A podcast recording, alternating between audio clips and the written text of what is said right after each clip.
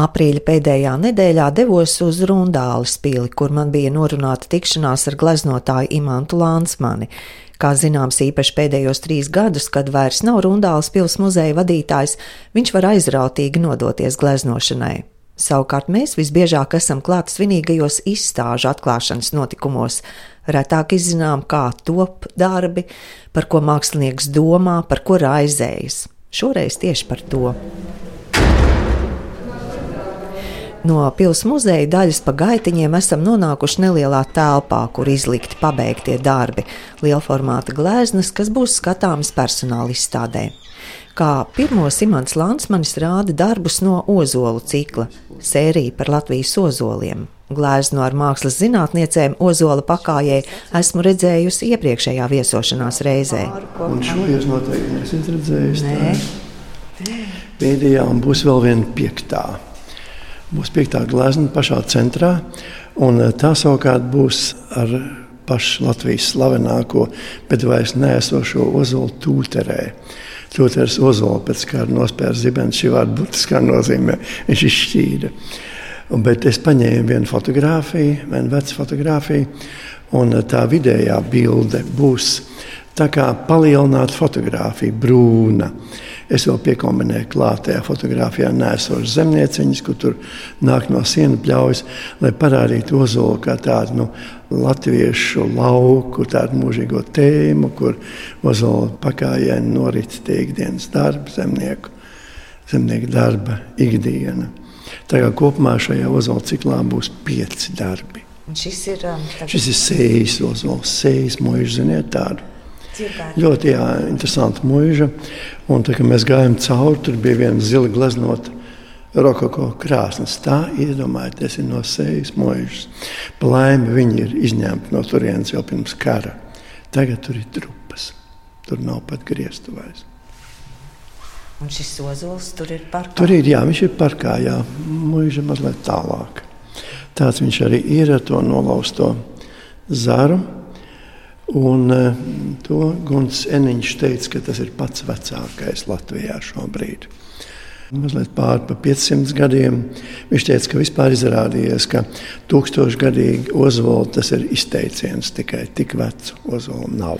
Pašportrets pie sējas ozola būs izstādes titula darbs. Tajā pats meistars ar fotoaparātu rokās, bet aiz viņa varens ozols stumbrs ar vienu nolaustu zaru nedaudz lapotnes un zālē kaķēns. Es domāju, ka katram cilvēkam uzols izraisa vienmēr.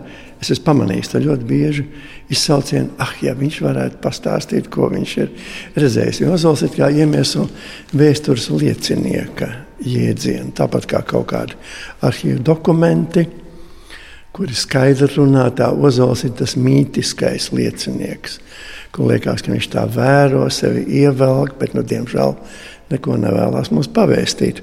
Un tāpēc es raisu iztēli, un tā tas arī man ir. Es varu pateikt, kā šī sērija radās. Tas bija 19. gadā. Zaubē. Mēs bijām aizbraukuši vienkārši apstīt zaubi, un tur ir tas ozols, no kur ir palicis pāri tikai stumbrs un ļoti nedaudz no augšējiem zariem. Un tur tieši tā doma tā bija. Mēs tā sarunājamies. Es saku, vai cik viņš ir ārkārtīgi izteiksmīgs, tas stumbrs ar visu savu kraupainību un nolauzumiem. Un tur, ko var redzēt, kaut kas tur ir atkal attaudzis un atkal nolūzis. Un, un tā mēs runājam ar, ar māsu Lāmu. Nu, viņa teica, nu, bet tad, tad tu vari paņemt un uzgleznot to, ko iztēlojies kopā ar šo ozolu. Un tā šis cikls tagad sāka tapt, un beig beigās es viņu varu līdz bezgalībai. Vilkt, Citā gleznā redzams cēpu ozols ar izteiktiem horizontāli izstieptajiem zariem. Mākslinieks Ziemeļvidzemes ozolu pārcēlis citā vietā un konkrētā vēsturiskā situācijā. Es viņu pārceļu uz Salaspili. Tā ir Salaspils kauja 605. gadā, kur poļi, lietuvieši un kurzemnieki Hercoga Friedricha vadībā sakāva Zviedrus nu, nežēlīgi sakāva, gan arī saņēma gūstā karalu. Un te ir tas tādā nu, ļoti nosacītā veidā, tajā pusē ir poļi lietuvieši ar Lietuvas lielhetmani Hotkeviču, un tajā pusē Hercogs Frederiks ar saviem kurzemniekiem, kuriem tādi arī drusku kurzemnieciskāks izskats un apģērbs. Lūk, nu tāda vīzija. Nu, tā ir pilnā mērā, ja tā var teikt, spoki gaišā dienas laikā. Un tāpēc, kā redzat, arī viņi ir puscaurspīdīgi. Ja tur cauri mēs redzam upi un redzam zāli. Vēl pastāstiet par gleznu, kas pašlaik top, ko jūs jau man pačakstējāt, kas tā ir. Cik Jā, tā ir simboliski. Gleznoja vienu pavisam, pavisam citādu gleznu. Un šī glezna saucās šādi. Atkal pēdiņas vaļā zemnieku un nāves kareivju Dāls Makabra. Nu, Dāls Makabra tā ir nāves dēļa. Nāves dēļa vispār kā jēdziens. Mēs labi zinām, ka viduslaika glezniecībā tā ir tēma, kas atgādina citu ikonogrāfisko sižetu, memento mori, piemin nāvi. Tad atgādina to, ka visi cilvēki ir līdzvērtīgi nāves priekšā. Un es domāju, ka daudzi ir redzējuši Tallinā Nikolai baznīcā to ļoti skaisto Benta Notkas gleznojumu, kur ir šī nāves deja. Tā klasiskajā variantā tur ir skeleti, kas dejo ar visu sabiedrības slāņu pārstāvjiem. Sākot ar imperatoru, pāvestu, beidzot ar vienu zemnieciņu, lai parādītu, visi mirst. Nu, un man dīvainā veidā pagājušā gada Ziemassvētkos pēkšņi kaut kā apciemoja šī nāves dejas idejas. Pat nevar teikt, kāpēc. Un tad, savukārt, janvārī, es tā domāju, nē, nu, es tomēr netaisīšu nekādu nāves dēļu, nu, ko tā drūma lieta, un kā es tikšu galā ar to, to nāves klātbūtni. Es taču negribu sagleznot veselu rindu ar skeletiem un galvaskausiem. Un tad nāca 24. februāris, un es sapratu, nē, nē. Es to tomēr darīšu, bet mēģināšu atrast kaut kādu citu pavērsienu. Nevis, ka tie ir skeleti, tā kā tajā Benta Notkas eh, gotiskajā gleznojumā, bet ka tie ir nu, nosacīti nāves pārstāvji. Jā, viņi ir apmetņos, kapucēs, viņi ir dīvaini, bet viņi ir kā, nu, kā cilvēku figūras, viņi nav kā skeleti. Un, un tā tas arī tagad izveidojās, kā latviešu zemnieki, to skaitā trīs tādas jaunas daļas zeltainas. Man jau vienmēr kolēģi pozē, tas bija ne tik sen, tas bija aiz aizpagājušā piekdienā, kad visi atkal kolēģi sanāca kopā no pozēja, un tur ļoti daudz varēja izmantot visus tos pagriezienus, visu to divaino noskaņu, kas vienmēr nāk ārā no dabas. Man tas jau pieder kā jūs Jā, noteikti ziniet, pie manis glezniecības metodas, kas man nepieciešama, man vajag foto. Ka man neinteresē tas, kas ir manā galvā, ko es pats varu izdomāt, bet to, ko es vēlos ieraudzīt, atklāt. Un komandot foto, neskaitām foto, starp kuriem es ieraugu, ah, tā poza, tas pagrieziens nes to noslēpumu, ko es gaidīju, ko es meklēju. Un eh, tā arī šoreiz. Un pie tam fotografēšana bija tāda ātra un haotiska. Es domāju, ka spiež un spiež. Domāju, kāds murgs, es nekādu režīmu netaisu. Kā viņi tur katrs, un kas pēc tam izrādījās, ka tā bija kaut kāda režīma bijusi pati par sevi. Es skatos, cik skaisti tur viens tādu pozi ieņēmis. Un kā tur kolēģis pagriezies, un tur tāds un cik skaisti un tā valšķīgi tas zeltains priekšplānā, un cik tas viss labi kontrastē ar tiem nāves karavīriem. Ārprāts. Par fotografēšanu un nejaušību turpināsim. Tikai iestarpināšu, ka pērn savā 80. dzimšanas dienā Imants Lansmans muzejam dāvāja trīs gleznas, kas papildina muzeja sakrālās glezniecības kolekciju. Darba nosaukumi - augšām celšanās, svētais vakarēdiens un Golgāta. Savukārt šeit apskatāma vēl viena no reliģiskajām gleznām - Svētā ģimene. Modeļi ir tēlnieki Brigita Zelča aizpura un Sandis aizpurs ar bērniem. Abi tēlnieki ar savām atvasēm labi tagad atbrauc uz akadēmijas. Jaunie kārto to ļoti eleganto foto darbnīcu, nu tagad pozēs. Nu, es esmu švaks režisors, man nepatīk cilvēks dīdīt, man liekas, nu kā es tā teikšu, ziniet, nē sāksim vēlreiz, es nevarētu būt kino režisors. Man tā liekas, cilvēku terorizēšana. Un es domāju, kā es tikšu galā, un tie bērni jau, protams, tur skraida, tas mazais piecgadīgais Es esmu šausmas, es nevaru neko norežisēt. Un ko es pēkšņi ieraugu? Kad tas mazais puika ir tik ārkārtīgi aktīvs, viņš pats sāka režisēt. Es tagad saku, tur jābūt tam krustiņam, uz kuru mazais Kristus bērns skatās, saprotot savu misiju, ko viņš tajā krustiņā redz savu krustu. Un tas puisis arī daudzās, un vecāki uz viņu skatās. Un pēkšņi bija viens brīdis, kad viņš ir nopietns, lūk, nokrīt uz ceļa un tur to krustiņu šādā veidā, un tas mazais stiep rociņu. Un saprotiet, tas notiek pats no sevis.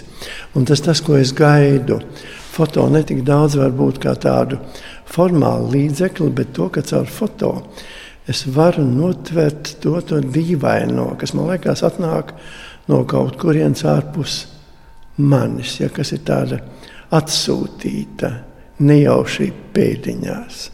Es vienmēr nejaušība, lielā burta grib rakstīt boldēt un sarkanu vēl, jo man tas šis nejaušības allārs man apmeklē. Un tā arī šajā gadījumā būtībā izrādījās, ka viss ir noticis pats no sevis, ka mazais puika manā vietā norežisējis to, un ka viss šī aina pēkšņi savērpās ideālā, ideālā, pārliecinošā veidā, un ka man nevajadzēja neko pielikt. Mākslinieks atzīst, ka izstāde ir liels pārbaudījums. Jādomā, kā piepildīt plašās Latvijas Nacionālā Mākslas muzeja izstāžu telpas. Man nav ne tik daudz darba, ne arī viņa ir tik milzīga. Man nav kaut kādas instalācijas, ar kurām viegli var milzīgas teritorijas aizpildīt. Bet nu, es esmu centies arī tāpēc, jo lielāks formāts un es joprojām strādāju. Arī tagad vēl ceru vēl kaut ko piegleznot klāt un kaut kādā mērā nopaļot. Nu, piemēram, es gribu uztaisīt vēl divas ainavas, jo es konstatēju, ka man ir divas ainavas par zemgāles ainavas tēmu.